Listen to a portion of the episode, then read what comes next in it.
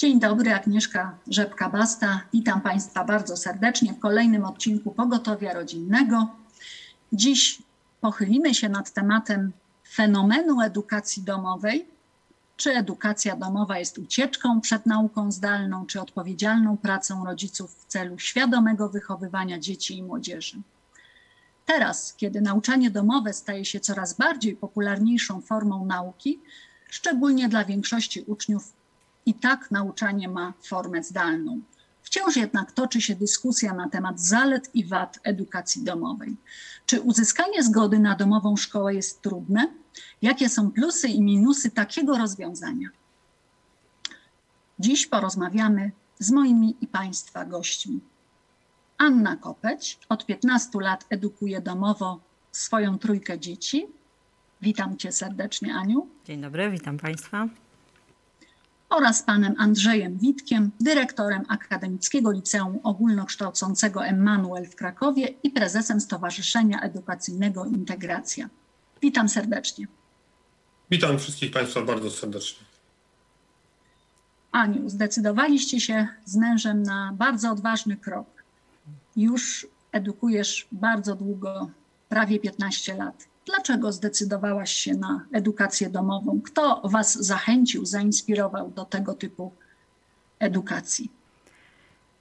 No, ja dowiedziałam się o edukacji domowej od swojego pastora, Pawła Chojeckiego, ponieważ e, właśnie w tym czasie, kiedy e, pojawiły się nasze dzieci, najpierw e, syn, później dwie córki jeszcze, no i naturalnie, kiedy zbliżał się ten czas pójścia do szkoły, to e, rzeczywiście zastanawialiśmy się, jaką szkołę wybrać, czy e, jakąś prywatną, czy, czy naszą rejonową. E, I, I wtedy właśnie nasz pastor pojechał na konferencję zorganizowaną przez państwa Budajczaków na temat edukacji domowej. I właśnie kiedy przyjechał, opowiedział nam, to my stwierdziliśmy, wow, to jest po prostu coś dla nas. E, byliśmy e, no, zaskoczeni, że coś takiego po prostu jak uszyte dla nas na miarę, no ale wiem, że to oczywiście, myślę, że to był po prostu Bóg wiedział, znał nasze myśli, właśnie nasze rozterki, ponieważ widzieliśmy właśnie, mieliśmy okazję obserwować E, rodziny w naszym kościele, e, które posyłały dzieci do szkoły i widzieliśmy, jaka to jest codzienna walka o serca i dusze dzieci. E, a jako, że właśnie jesteśmy biblijnymi chrześcijanami, zależało nam na tym, żeby właśnie dzieci wyrosły w, w pewnych wartościach i że stwierdziliśmy, że to wcale nie jest tak dobrze dla nich, kiedy od małego muszą jakby walczyć o swoje Wiadomo, że no można tu się pokusić o to, że to też ćwiczy charakter i to się zgadza. No niemniej jednak, skoro widzieliśmy, że jest e, coś takiego, taka forma, mówię, o której wcześniej nie słyszeliśmy, zaczęliśmy się tym interesować. Pojechaliśmy na konferencję też e, na ten temat. I, e, no i zaczęliśmy właśnie czytać książki, szukać na ten temat jakichś materiałów. Okazało się, że w Stanach Zjednoczonych właśnie to jest bardzo popularne, właśnie od, y, od już tam kilkudziesięciu lat, bo mniej więcej tak od lat 70. to taki renesans przeżywała edukacja domowa. Później zainteresowaliśmy się także historią Polski. Okazało się, że to też piękne tradycje w Polsce, właśnie w czasie zaborów, kiedy znamy z lektur szkolnych czasy właśnie rusyfikacji były i rodzice musieli sobie radzić e, sami z edukacją swoich dzieci, ponieważ właśnie w państwowych szkołach dzieci były rusyfikowane, czy zmuszane właśnie, czy germanizowane, zmuszane do y, takich e, rzeczy i rodzice dbając o właśnie edukację swoich dzieci, no, podejmowali ten sam, trud sami. Więc taki był nasz początek. A jakie widzisz po tych 15 latach korzyści z tego modelu edukacji, a jakie są trudności? No, szczerze mówiąc, do tej pory myślę, że więcej jest korzyści. Oczywiście ja mam wiele zastrzeżeń do samej siebie, czy e, poświęciłam temu odpowiednią e, ilość czasu, bo poświęciłam się temu, ale no, nie ukrywam, że to nie było moje jedyne, e, moja jedyna aktywność, więc, więc myślę, że, że tutaj mogę sobie wiele rzeczy pokusić się o właśnie o ocenę taką, czy, czy to zdało egzamin, czy nie czy, czy dobrze ja się sprawiłam bardziej niż, e, niż dzieci. No, dzieci e, swoją drogą mogę ocenić, e, ale myślę, że i tak jest więcej plusów, ponieważ uważam, że największym plusem jest właśnie to, że nasze dzieci wyrosły w tych wartościach, które my uważamy za najważniejsze i, i także no można powiedzieć, nie zbuntowały się przeciwko naszemu stylowi życia, co myślę, że że dzisiaj jest dużym problemem, że dzieci negują wartości swoich rodziców już e, od no, nie tylko w wieku nastoletnim, ale w zasadzie już ta granica się przesuwa coraz niżej, że już nawet w szkole podstawowej to jest problem dla wielu rodzin. No i my tego uniknęliśmy. Oczywiście mówię, tutaj Także to jest dla mnie najważniejsze, może tak dokończę. A e, oczywiście mówię, pod względem edukacyjnym myślę, że zawsze można by coś podciągnąć, zrobić więcej, lepiej. I, I tutaj e, to trzeba by było kolejny program nakręcić na ten temat, żeby tak spokojnie to ocenić, ale też myślę, że, że plusem może jest właśnie taki że jest pewien plus w tym, że dzieci są tak ogólnie obeznane w świecie, tak bym to nazwała, że, że nie są, myślę, że nie są takim produktem szkoły, że e, są takie jakieś e, e, coś wypreparowanego, właśnie na przykład przedmioty często coś takiego robią, że zajmują się tylko jakąś cząsteczką, jedną dziedziną na przykład, pomijając e, wszystkie inne, a myślę, że no w życiu właśnie e, no, tak życie nie wygląda w zasadzie. To jest tak, że to jest mieszanka tego wszystkiego i fizyka z matematyką i z językiem polskim łączy się na co dzień. Więc i myślę, że to udało też nam się osiągnąć, że, że dzieci tak niekoniecznie dzielą ten świat tak na przedmioty, tak bym to określiła po szkolnemu. Gdybyś miała wymienić takie trzy, cztery najważniejsze wartości, jakie płyną y, dla dzieci właśnie z tego, że uczą się w domu, to jakie byłyby to wartości? U, to bardzo trudne pytanie. E, no, myślę, no, mówię o sobie. Tak jak powiedziałam, jesteśmy chrześcijanami, więc dla nas największą wartością jest to, żeby dzieci znały e, prawdziwego Boga, e, żeby wiedziały o Bogu prawdziwe rzeczy, dowiadywały się samego źródła prawdy, właśnie szukały prawdy i myślę, że to właśnie jest najważniejsza rzecz. Druga rzecz to, żeby chciały też pójść za tą prawdą, czyli, mm,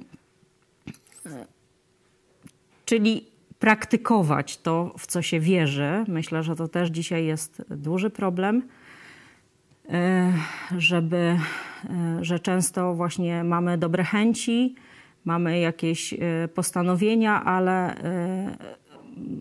trudno zrobić jakiś tam pierwszy krok, czy być konsekwentnym w działaniu. I myślę, że to też jest taka wartość, którą przekazaliśmy naszym dzieciom. Myślę, że pracowitość także, ponieważ tu właśnie edukacja domowa ma to do siebie, że dzieci muszą E, się nauczyć, oczywiście na początku pod okiem rodziców, niemniej jednak w końcu muszą dojść do takiego momentu, że same muszą się zorganizować, same, e, e, same, same umieć zorganizować swój dzień w takim znaczeniu, że najpierw wykonać obowiązki, później przyjemności, że na pewno też uczą się na błędach, że często E, mm, mieszają te dwie rzeczy, ale e, jak e, później konsekwencje właśnie przychodzi na przykład właśnie sprawdzian, egzamin, to też mogą widzieć, że aha, za mało czasu na przykład poświęciłem, więc też myślę, że taka samodyscyplina i pracowitość jeszcze bym tutaj wymieniła. Bardzo Ci dziękuję. Teraz pytanie do Pana Dyrektora, bo widzę duży baner y, szkoła, którą Pan kieruje, wspiera edukację domową. Dlaczego? Edukacja domowa jest alternatywą do szkoły stacjonarnej, ale my zawsze powtarzamy, że dla osób i rodzin świadomych e, całego procesu edukacyjnego, który wiąże się z podjęciem takiej decyzji, aby ten obowiązek szkolny i obowiązek nauki realizować poza murami szkolnymi.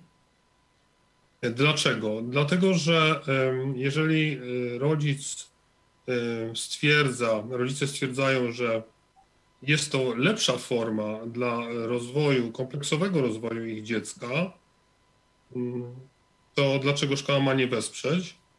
I jeżeli też młodzież, bo mówimy o jakby dwóch e, kategoriach mm, grup, e, które są zainteresowane edukacją domową, my je bardzo wyraźnie rozgraniczamy, bo w szkole podstawowej jednak rodzice bardziej są zainteresowani edukacją domową. Oczywiście mm, jeżeli mówimy o klasach siódmych i ósmych, no to już e, te dzieciaki stają się młodzieżą, mają trochę więcej do powiedzenia. Natomiast w liceum generalnie e, wnioskują, postulują o to młodzi ludzie i rodzice e, jakby tylko wyrażają zgodę i mm, idą za tym, za, za ich pomysłem. Więc jeżeli dziecko, rodzic, młodzież chce realizować swoje pasje, swoje marzenia, widzi wielką wartość w edukacji domowej, to szkoła Emanuel, zarówno szkoła podstawowa, jak liceum, wspiera takich rodziców, wspiera takich uczniów. Robimy to bardzo profesjonalnie, jesteśmy, e, przodujemy w tym na rynku nie tylko w Małopolsce, ale i w Polsce. Mm, I e, generalnie ja tak wierzę, że wszyscy rodzice, którzy podjęli się tego trudnego wyzwania, są bohaterami.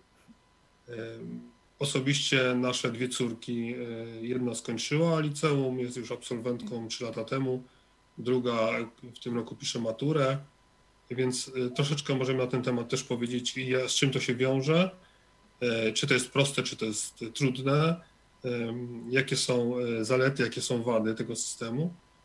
Nie każde dziecko niestety nie nadaje się do, nie, nie każde dziecko nadaje się do tego systemu. Nie każda rodzina jest w stanie udźwignąć również to wyzwanie, ale nasze szkoły y, naprawdę kompleksowo, bardzo rzetelnie, profesjonalnie podchodzimy do, do każdego aspektu edukacji domowej, bo aspektów jest bardzo wiele. Nie, to nie jest Właśnie tylko... o te konkretne y, dokumenty chciałam też dopytać, jak wygląda y, u Państwa uzyskanie zgody na edukację rozmową, y, edukację domową? Czy odbywa się właśnie jakaś rozmowa kwalifikacyjna z rodzicami? jakie trzeba spełnić wymagania, żeby właśnie uzyskać taką zgodę na edukację domową. Zezwolenie na realizację obowiązku szkolnego i obowiązku nauki poza szkołą wydaje zawsze dyrektor szkoły, posiłkując się dokumentami, posiłkując się rozmową, może również zasięgnąć informacji od zespołu, który rekrutuje. Natomiast rodzic zobligowany jest złożyć wniosek do dyrektora, wraz z zobowiązaniem i z oświadczeniem o tym, że dziecko podejdzie do rocznych egzaminów klasyfikacyjnych i żeby, że rodzice biorą pełną odpowiedzialność za proces edukacyjny dziecka. Mm, do tamtego roku szkolnego była jeszcze wymagana opinia z poradni psychologiczno-pedagogicznej. Mm, pandemia mm, po prostu e, wprowadziła taką trudność i Ministerstwo Edukacji Narodowej tutaj poszło na rękę i nie ma teraz tej opinii. Najprawdopodobniej nie będzie, bo trwają w tej chwili y, już kolejne czytania nowego rozporządzenia, nowych, nowego prawa dotyczącej edukacji domowej. I to byłoby chyba tyle. Natomiast decyzję ostateczną podejmuje dyrektor na podstawie y, standardów, które w danej szkole są. One są różne. U nas w szkole podstawowej chcemy się przyglądać sytuacji, chcemy porozmawiać. Takie spotkania są y, przynajmniej dwa razy z rodzicami, z dziećmi. Nie bierzemy e, wszystkich e, do nas pod opiekę, dlatego że uważamy, że jeżeli ktoś nie rozumie e, kwestii dyscypliny nauki, prakseologii, odpowiedniego poukładania planowania, to nie chcemy rozpoczynać przygody z takimi osobami, dlatego że mamy doświadczenia też i informacje od różnych osób, że rozpoczęły edukację domową nieświadomie, po prostu tak na hura, mówiąc kolokwialnie, po czym po 3-4 miesiącach jednak okazało się, że to nie jest dla nich dobra droga. Więc my chcemy to zbadać na samym początku i też odmawiamy przyjęcia e, do nas do szkoły, także nie mówię, że, że jest się trudno dostać, bo nie jest się trudno dostać, ale nie wszystkich przyjmujemy. Mhm. A jakie wsparcie proponuje szkoła dla edukujących domowo i jak wygląda egzamin? To są dwa pytania i w sumie można je podzielić na cztery odpowiedzi, dlatego że szkoła podstawowa u nas troszeczkę się różni od liceum. Wsparcie w szkole podstawowej polega na tym, że przede wszystkim my istniejemy. To znaczy jesteśmy realnie, e, bo niestety, ale spotykają się szkoły, że e, jest po prostu powieszona gdzieś szafa e, w jakiejś placówce i nie ma nawet z kim rozmawiać. My po prostu istniejemy, nas można dotknąć. U nas jest, można wjechać na parking, wejść przez sekretariat, spotkać się z rodzicem, dyrektor spotyka się z rodzicem, można się spotkać z psychologiem, pedagogiem specjalnym, z nauczycielami i po prostu jesteśmy. To jest najważniejsze. Druga rzecz to jest, mamy bardzo duże doświadczenie w tym, co robimy, robimy to od 2003 roku w ponad 40 placówkach w całej Polsce. Mm, więc po prostu to doświadczenie e, powoduje, że nasze szkoły są przyjazne dla rodziców i dla dzieci i też, też opieram się o wartościach, to co pani wcześniej mówiła, przedrozmówczyni moja, też o tych wartościach mogę za chwilę powiedzieć. Wsparcie jest bardzo proste. Uczeń ma, ma, prawo skorzystać z konsultacji z nauczycielem. E, zapisuje się na konsultację, przychodzi do szkoły, teraz są to online i rozmawia na ten temat swojego przedmiotu, problemów, e, formy, metody zaliczania egzaminu. E, może brać udział również w konsultacjach z innymi dzieciakami, może brać udział w różnego rodzaju warsztatach przedmiotowych. Organizujemy różnego rodzaju konferencje, różnego rodzaju spotkania, laboratoria. Tego jest bardzo dużo. No, to jest pewien wachlarz na stronach internetowych można zobaczyć. W liceum jest podobnie. Mamy również platformę edukacyjną, na której powieszone są wszystkie dokumenty obowiązujące dla rodzica i dla dziecka, także rodzic wchodząc sobie na swoje konto widzi podstawę programową, widzi wymagania edukacyjne na, na daną ocenę z danego przedmiotu, widzi zakres materiału, czyli wymagania edukacyjne i zakres materiału i E, podzielony e, na działy, na, na tematy, to co dziecko e, powinno przyswoić sobie i co będzie wymagane na egzaminie pisemnym. Ponadto ma 30 pytań na egzamin ustny, które są później wykorzystane podczas egzaminu ustnego. No i egzaminy ustne są, odbywają się przy komisji dwuosobowej. No w tym momencie e, z tymi egzaminami jest różnie. W szkole podstawowej mamy egzaminy online, w liceum egzaminy ustne na razie nie odbywają się. No tego wsparcia też jest dużo. Jeśli chodzi o maturzystów, to e, prowadzimy e, warsztaty dla maturzystów, podczas których poznają ubiegłoroczne arkusze egzaminacyjne, rozmawiają o tym, jak tą wiedzę pozyskać, aby potem nie mieć stresu, nie mieć napięć związane, związanych z podchodzeniem do matury. Hmm. Myślę, że na ten moment to chyba tyle.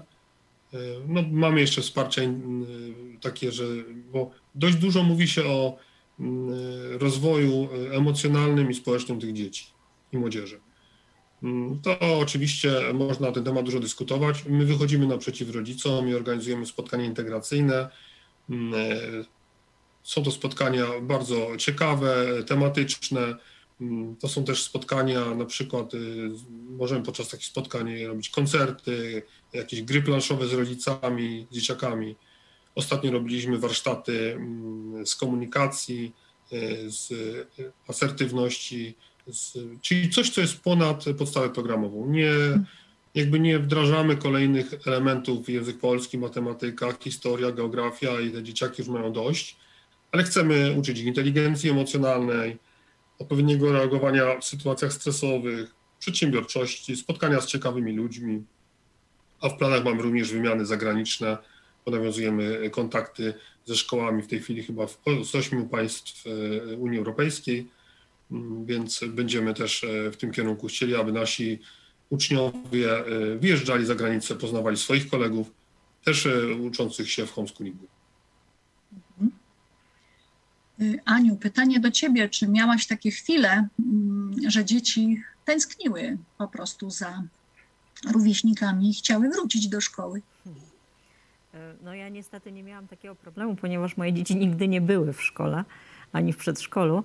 Także w zasadzie szkołę oczywiście znają, bo chodziły tam na zajęcia typu basen właśnie, czy, jakaś wspinaczka skałkowa, syn chodził na początku. Też oczywiście egzaminy zdawały w szkole, więc no, u nas nigdy nie było takiego problemu, że chciały wrócić do szkoły. Na pewno zawsze na przełomach tych etapów edukacyjnych, czyli właśnie po skończonej e, e, gimnazjum, no było liceum, no to właśnie wtedy zazwyczaj zastanawialiśmy się, co dalej. E, I, no i tutaj zostawialiśmy trochę wolną rękę naszym dzieciom, i, ale też mieliśmy swoje argumenty, przekonywaliśmy i w zasadzie to było tak, że, że dzieci jednak postanawiały, że no, wolą jednak zostać w domu. Chociaż mówię, na początku nawet E, e, na przykład syn stwierdził, że on chce pójść już do liceum i e, mieć właśnie jakichś kolegów nowych, poznać nowe osoby, a później jednak stwierdził, że no to jeszcze zostanie. I rzeczywiście, i myślę, że tu też było coś takiego wspaniałego wręcz wydarzyło się, no bo oczywiście mówię, my może żyjemy w kościele, więc to mamy takie błogosławieństwo i bogactwo, że te nasze dzieci nigdy nie były, tak można powiedzieć, same skazane tylko na, na siebie nawzajem. Zawsze miały znajomych w kościele właśnie, czy na jakichś zajęciach dodatkowych, ale to już rzadziej. I te, ale to właśnie przy edukacji domowej to, to jest właśnie też taki plus, że, że dzieci mają więcej jednak czasu, ponieważ myślę, że, że nie traci się tego czasu właśnie na dojazdy, na przebywanie w szkole, tylko można zrobić swój, swoje, odrobić, właśnie nauczyć się czegoś tam, odrobić te lekcje tak zwane. I, i ma się czas wolny, i wtedy dzieci mają czas na na przykład właśnie nasze dzieci na wolontariat. I, i tutaj miały swoje właśnie pasje, znajomych, wspólne działanie i uczyły się tego wszystkiego, czego myślę, że nawet w szkole nie ma trochę czasu do zrealizowania, ponieważ jednak większość lekcji odbywa się właśnie wygląda tak, że właśnie siedzimy, dzieci siedzą w ławkach i słuchają nauczyciela, a tutaj dzieci miały okazję, e, można powiedzieć, wprowadzić te, te rzeczy, czy zrobić coś właśnie konkretnie, a nie tylko teoretycznie się o czymś uczyć. Dużo rodziców teraz rozważa edukację domową, jest rozczarowana edukacją zdalną. I tak rodzice, i tak dzieci siedzą w domu. Więc jakbyś mogła, Aniu, powiedzieć nam, jak zachęcić e, rodziców do e, zdecydowania się na edukację domową i jak praktycznie e, sobie z tym poradzić na początku? Hmm. No to właśnie tu tak jak pan dyrektor już wspomniał, że to rzeczywiście potrzebna jest pewna świadomość, że to nie jest tak, że przeniesiemy szkołę do domu, że no, my będziemy teraz nauczycielem, dziecko siądzie w ławce, będziemy mieć tablicę, no i wszystko będzie tak jak w szkole, bo myślę, że tak część, część rodziców może pójść w taką pułapkę. Rzeczywiście to jest pewna umiejętność. O, ja bym powiedziała, że to edukacja domowa to jest no, styl życia. Po prostu, że to, to nie da się, bo, bo w życiu tak jest w zasadzie, że nikt nie oddziela nauki od życia, że uczymy się czegoś, no później to próbujemy zrobić, czy tam właśnie wprowadzić jakieś. Yy, yy, zmiany do naszego życia, no po coś właśnie tam coś studiujemy, czy właśnie jakieś, jakąś pracę znaleźć w tym kierunku. No i, i właśnie e, edukacja domowa to jest właśnie coś takiego, że że e, to jest ciągłe przebywanie, czytanie, dyskutowanie o tym i i więc to ja bym zaczęła od tego, czy właśnie, czy jesteśmy w stanie właśnie się temu poświęcić, czy jesteśmy w stanie zmotywować nasze dzieci, czy jesteśmy w stanie, czy lubimy nasze dzieci. Przepraszam, że tak trochę E, może e, sarkastycznie to zabrzmiało, ale niestety wiem, że, że jest to problem, że dzieci trochę się oddzielają teraz e, szybko od rodziców, że właśnie bardziej rówieśnicy są dla nich autorytetem, rodzice często nie mają tego autorytetu. Tutaj to też będzie wychodzić, więc, więc myślę, że tutaj takie uświadomienie sobie pewnych braków, właśnie, że jeżeli są braki w więzi, będzie trudno. E, ponieważ właśnie e, no, w szkole no to nauczyciel ma jakieś tam środki przymusu. Rodzic trochę jednak musi właśnie polegać na tej więzi. A jeżeli jej nie ma, to będzie słabo. Więc myślę, że od tego bym zaczęła, od oceny, czy, czy jesteśmy sobie w stanie poradzić. No, ja myślę, że, że tak, że jeżeli właśnie rodzic jest odpowiednio zdeterminowany, właśnie świadomy, to można przełamać wszystkie lody i i, i próbować do skutku, więc myślę, że ja bym zachęcała naprawdę. No, zresztą sama edukowałam dzieci, więc no, trudno, żebym zniechęcała raczej. E, ale e, no, tu myślę, że, że to jest taka dodatkowa trudność, o której rodzice czasami mogą nie pomyśleć, bo myślą tylko, że to jest tylko edukacja, ale tak naprawdę to jest ta edukacja odbywa się trochę tak przy okazji właśnie innych rzeczy, że ona nie jest jakby najważniejsza właśnie w tym wszystkim. Tu są więzi, właśnie mówię, te wartości, e, a edukacja jest jednym z elementów, a nie jedynym. W szkole oczekujemy, że ona jest jedynym elementem. Oczywiście to też jest e, nieprawda, bo wiemy, że teraz szkoła często, no, czy system szkolny, może tak to nazwę, że jednak właśnie próbuje wchodzić już w te kompetencje rodziców i, i, i rodzice część, część nawet oczekuje tego, ale, no, ale myślę, że jednak tutaj można pójść właśnie w taką no, ślepą uliczkę, że myśleć, że to tylko a, nauczę, no i właśnie wytłumaczę, no i będzie dobrze, ale to, to można powiedzieć, to jest tylko jeden element. Panie dyrektorze, czy w okresie pandemii obserwuje Pan większe zainteresowanie edukacją domową? Tak, rzeczywiście w okresie pandemii jest e, większe zainteresowanie edukacją domową. Mm, ono się wzięło tak naprawdę e, z pewnej świadomości, mm, że e, rzeczywiście możemy dać radę ucząc się w domu bo przecież ta edukacja w tej chwili tak wygląda. Z opinii wielu ekspertów e, dowiadujemy się, że mm, dzieciaki edukacji domowej były przygotowane na pandemię. Dla nich generalnie e, nie ma różnicy. Nawet są takie opinie, że są bardziej, że są szczęśliwsze niż te dzieci, które w tej chwili w domu siedzą przed komputerami i muszą bardzo systematycznie wstawać rano, otwierać komputer e, mm, i brać udział w tych lekcjach.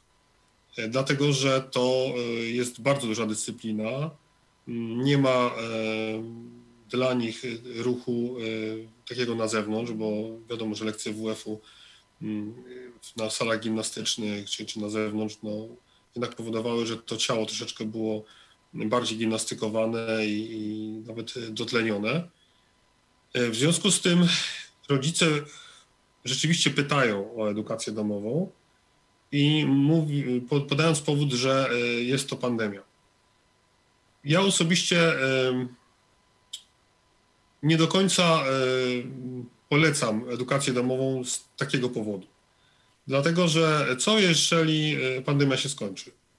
To znaczy, że wracam do szkoły stacjonarnej ja uważam, że edukacja domowa jest dla osób świadomych, tak jak powiedziałem, którzy y, naprawdę y, mają powód do tego, aby dzieci edukować poza murami szkolnymi. Mm, to ma być piękna przygoda, to ma być coś bardzo mm, niesamowitego, na, na co cała rodzina tak naprawdę wyrazi zgodę i wszyscy razem będą na to pracować.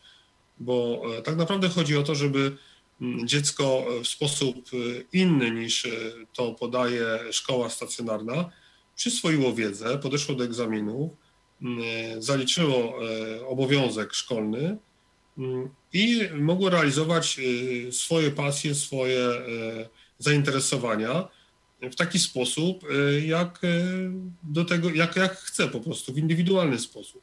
Przecież wiemy, że tak naprawdę powodów, y, dlaczego wybierano edukację domową przed pandemią, jest bardzo wiele różnych innych. Więc odpowiadam na pytanie tak. Jest większe zainteresowanie na pewno edukacją domową i mam nadzieję, że mm, społeczeństwo polskie również będzie bardziej świadome tego, że homeschooling jest bardzo dużą wartością. Bo były takie opinie, że y, to nie wiadomo, co to jest, a może to jest indywidualne nauczanie, Przecież e, tak naprawdę marginalna ilość e, osób e, decydowała się na edukację domową, a ci, którzy szli, nawet wobec nich stosowano pewien ostracyzm. jeżeli uczeń liceum decydował się na edukację domową, no to był wyśmiewany i nie do końca był rozumiany przez środowisko. Dzisiaj pandemia spowodowała, że edukacja domowa jest na topie, jest akceptowana, jest wartością. I ja z tego powodu bardzo się cieszę. A jakie inne powody w Pana doświadczenia zawodowych jako, jako dyrektora szkoły, jak Pan ocenia, z jakich innych jeszcze powodów y, rodzice decydują się na eduk edukację w domu?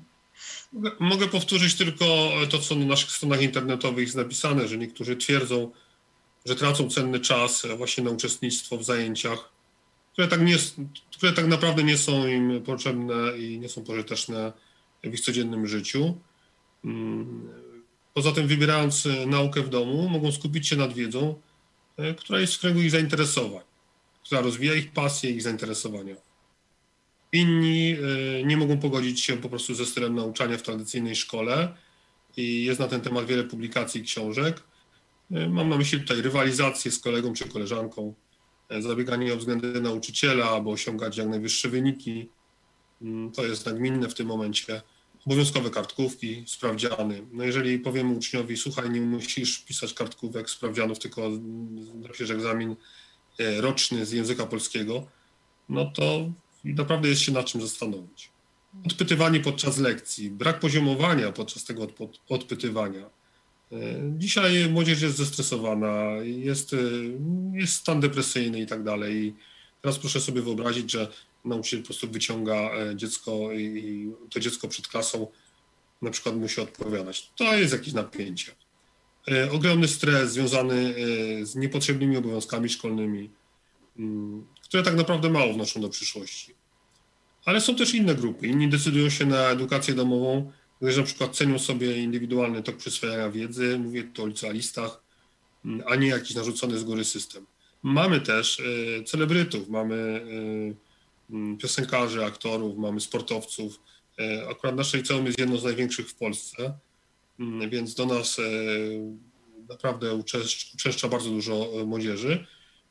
Na przykład mamy dwukrotnego mistrza na biegach terenowych, mamy mistrza snowboardu, mamy w tej chwili w szkole podstawowej mistrzynię w tenisie e, ziemnym, mieliśmy aktorów, mamy piosenkarzy, no po prostu jest tych powodów dużo. Co to znaczy? Po prostu oni nie mają czasu. Oni cały czas są w podróży, cały, cały czas są w hotelach, na treningach, na koncertach, gdzieś tam i tak dalej. Mamy e, również e, inne zawody, które wymagają na przykład podróżowania po całym świecie. Więc to też jest jakiś powód ale też trzeba powiedzieć, że są uczniowie, którzy po prostu mają fobię szkolną. I oni dużo lepiej się odnajdują w edukacji domowej, w przyjaznej edukacji domowej, ze specjalistami, z przyjaznymi nauczycielami, którzy rozumieją mm, e, problem, którzy się pochylają, którzy prowadzą e, dialog, którzy rozważają problemy i wspólnie razem z rodzicami je rozwiązują. Mhm, dziękuję. Aniu, gdybyś mogła powiedzieć tak praktycznie, jakie metody, formy pracy znanych pedagogów polecasz, jakie stosujesz, jakie stosowałaś, jakie stosujesz w edukacji swoich dzieci? To myślę, że w takich najmłodszych latach to y, bardzo dużo skorzystałam y, z takich metod y, angielskiej edukatorki Charlotte Mason ona była no, też właśnie wyznawała wartości chrześcijańskie, więc to też tym bardziej bardzo mi odpowiadało. I tutaj właśnie to były takie no, proste metody, ale myślę, że już dzisiaj troszeczkę no, w, w relacjach rodzinnych zapomniane, bo tak naprawdę mówię, ona się odwoływała do takich no, zwykłych rzeczy, właśnie typu, że czytamy y, książkę i dziecko później nam opowiada. No, wydaje się to zupełnie czymś naturalnym. To nie jest jakieś y, odkrycie, odkrycie Ameryki, ale y, myślę, że właśnie to, że część rodziców sceduje naukę właśnie, czy edukację swoich dzieci na szkołę, no to właśnie zapominają o takich jakichś oczywistych rzeczach. I, no i właśnie ona przywróciła takie oczywiste metody do życia, na nowo je jakby odkryła, ponieważ właśnie to było związane z tym, ze stylem życia, że właśnie w Anglii ówczesnej to było normalne, że właśnie dzieci były edukowane przez guwernantki w lepszych domach albo na tak zwanych pensjach. U nas zresztą było to podobnie. I ona właśnie e, bardziej e, mm, wzywała rodziców do tego, żeby właśnie sami się zajęli e, wychowaniem swoich dzieci i, mm, i właśnie takie metody im polecała i ja bardzo dużo z tego korzystałam. Myślę, że właśnie to dzieci też się uczą właśnie elokwencji przez to, e, uczą się właśnie formułowania zdań, no i właśnie też, e, czy swoich myśli. E, I myślę, że też właśnie ona polega na takim no, dużym czytaniu i tutaj z kolei, znaczy duż, czyta, trzeba czytać duże ilości książek, ale właśnie wartościowych, więc tu też jest pewna praca, żeby, co jest naprawdę trudno dzisiaj znaleźć wartościowe książki, ale tu odsyłam do naszego pogotowia, kiedyś mieliśmy na ten temat, także e, nie jest to wcale tak łatwo znaleźć. Tak. Niemniej jednak właśnie i e, przy okazji też ćwiczyłyśmy właśnie e, pisanie, to są często właśnie albo wersety biblijne, przepisywanie. Najpierw to jest właśnie przepisywanie, kiedy są młodsze dzieci, więc to naprawdę są takie proste metody, ale przyjemne, że właśnie dzieci mogą, czy wierszyki jakieś e, e, fajne, mogą się uczyć tego przy okazji na pamięć i ćwiczyć kaligrafię, także to bardzo dużo właśnie z tych, z jej pomocy, można powiedzieć, skorzystałam, chociaż mówię, jak tak dłużej się nad tym zastanawiałam, to wydało mi się to zupełnie naturalne, to co ona proponowała rodzicom. Z polskich pedagogów, to na pewno bardzo e, dużo korzystałam z pomysłów pani Gruszczyk-Kolczyńskiej i e, tu mam właśnie nawet ze sobą jedną książkę, którą ona wydała z innymi e, paniami Krystyna Dobosz i Ewa Zielińska. Są jeszcze współautorkami. Jak nauczyć dzieci sztuki konstruowania gier. To też bardzo książka, która była dla mnie jak podręcznik właśnie też na początku właśnie takiej edukacji matematycznej z dziećmi. Bardzo dużo z, z tego korzystałam. E, więc to takie e, ogólnie można powiedzieć, że szukałam rzeczy, które zawsze się kierowałam tym, że właśnie, żeby to była prosta jakaś metoda, nie jakaś tam wymyślna zbytnio, ponieważ właśnie Owszem, są na przykład pasjonaci, że na przykład ktoś się interesuje, nie wiem, y, jakimś przedmiotem, no to szuka wtedy jakichś tam y, y, ciekawostek na ten temat. Ale myślę, że dzieci lubią właśnie proste rzeczy i, i właśnie zbyt komplikowanie czasami to, to naprawdę przeszkadza. A to właśnie są takie proste metody, że czytamy razem, piszemy razem, właśnie liczymy coś razem, układamy z tego, co mamy, y, tworzymy zbiory, czy, czy liczymy właśnie elementy, y, kasztany, czy tam guziki w domu. Więc zawsze no, zachęcam do, do szukania właśnie takich rzeczy, takich prostych. Tak, i, i, codziennych właśnie, że, że często to były na przykład, nasze lekcje odbywały się właśnie w trakcie robienia, nie wiem, pieczenia ciasteczek, bo tutaj e, mogę powiedzieć właśnie na przykład można wziąć zwykły przepis i po, poprosić dziecko, żeby pomnożyło, bo chcemy zrobić podwójną porcję, pomnożyło wszystkie składniki, więc jest nauka liczenia. Nie wiem, można wyliczyć ile kosztu, kosztują, będą kosztowały składniki, więc to były właśnie takie, e, to są takie rzeczy z małymi dziećmi, bardzo proste i e, no po prostu można powiedzieć, my wszystko robiliśmy razem, prawie wszystko. E, I ja wykorzystywałam takie momenty tego uczenia się dziecka, które one są, że, że dziecko właśnie jest zaciekawione. A dlaczego to tak jest? No i wtedy też właśnie tu może być dla rodziców to odkrywcza myśl, że ja nie, naprawdę nie, nie musiałam wiedzieć wszystkiego. Że często właśnie, o to słuchajcie, no to rzeczywiście, no to szukamy. Szukamy odpowiedzi na to pytanie. Ja nie wiem, dlaczego to tak trzeba zrobić, a nie inaczej, więc... Więc tu też myślę, że rodzice często się boją, bo przecież oni wszystkiego nie wiedzą, nie pamiętają już wielu rzeczy. Ja też wielu nie pamiętałam, ale e, po prostu my uczymy wtedy nasze dzieci, że szukamy, że właśnie, że nie ma omnibusów, nie wszyscy są omnibusami, tylko trzeba im pokazać, gdzie to znaleźć, jak to znaleźć, do czego służy słownik, czy tam encyklopedia, czy, czy właśnie e, dobrze używać internetu, więc, e, więc to są takie proste rzeczy z młodszymi dziećmi. E, starsze dzieci to tak jak już wspominałam, e, to na pewno jest e, już więcej spoczywa na ich barkach. I tutaj właśnie jeszcze jeżeli mogę uzupełnić co do tych trudności, to właśnie często to są trudności tego typu, że rzeczywiście no my, my już tam nie bardzo się orientujemy i nie, nie potrafimy pomóc naszym dzieciom w jakichś takich trudniejszych przedmiotach, nie wiem, typu fizyka, chemia jeżeli mamy z tym trudność. I tutaj mówię, to jest fajna e, rzecz, że można wykorzystać znajomych, rodzinę. Nie wiem, dziadek umie dobrze chemię, e, wujek, który jest lekarzem, e, umie dobrze chemię, więc myślę, że tu jest też okazja do tego, żeby zaangażować trochę swoją szerszą rodzinę nawet w pomaganiu takim lekcji. A poza tym teraz właśnie, no, też dzięki trochę pandemii jest coraz więcej rzeczywiście takich możliwości i pomocy w internecie i, i coraz więcej ludzi wychodzi ze swoimi materiałami. Nie taki klasycznie korepetycje, że no, trzeba było chodzić do nauczyciela się uczyć, tylko że właśnie już w internecie jest to dostępne, więc, więc tutaj no jednak to, to już jest więcej tego materiału i dzieci więcej na pewno spędzają na takiej nauce. Y, wprost, więc tutaj to trudno mówić o metodach, bo myślę, że te metody, one się wypracuje właśnie w pierwszych latach, że widzimy, aha, y, moje dziecko na przykład jest wzrokowcem, no to może właśnie lepiej jakiś tam y, filmik obejrzeć na ten temat z, z, z wykładem. A może to woli czytać, no to na przykład jakąś popularno-naukową książkę podsunąć mu na ten temat. Także no, metody są nieograniczone. Myślę, że jak Najważniejsze jest, żeby właśnie mieć przed oczami cel, a wtedy i e, pojawią się e, metody, jak, jak go osiągnąć, czy właśnie pomysły, jak go osiągnąć.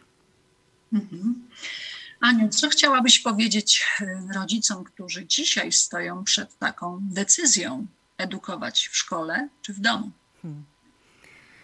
No, ja jednak zachęcałabym, żeby w domu, tylko mówiłam, że na pewno sobie trzeba to dobrze przemyśleć, tą decyzję, żeby rzeczywiście e, nie, nie być sfrustrowanym za miesiąc, co i tak e, dopadnie, każdego rodzica dopada co jakiś czas, że e, musi zweryfikować swoją decyzję.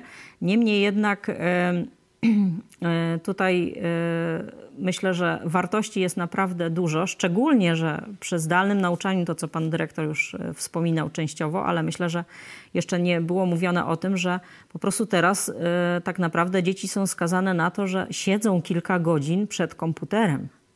Że co innego, kiedy siedziały w klasie, właśnie, no to jednak tam przerwa była co jakiś czas, no tutaj zapewne też jest, ale jednak to był kontakt z żywym człowiekiem, czy, z nauczycielem właśnie w klasie, i, a teraz one siedzą przed komputerem kilka godzin, więc to jest na pewno coś niezbyt dobrego dla naszych dzieci, no tak to delikatnie ujmę.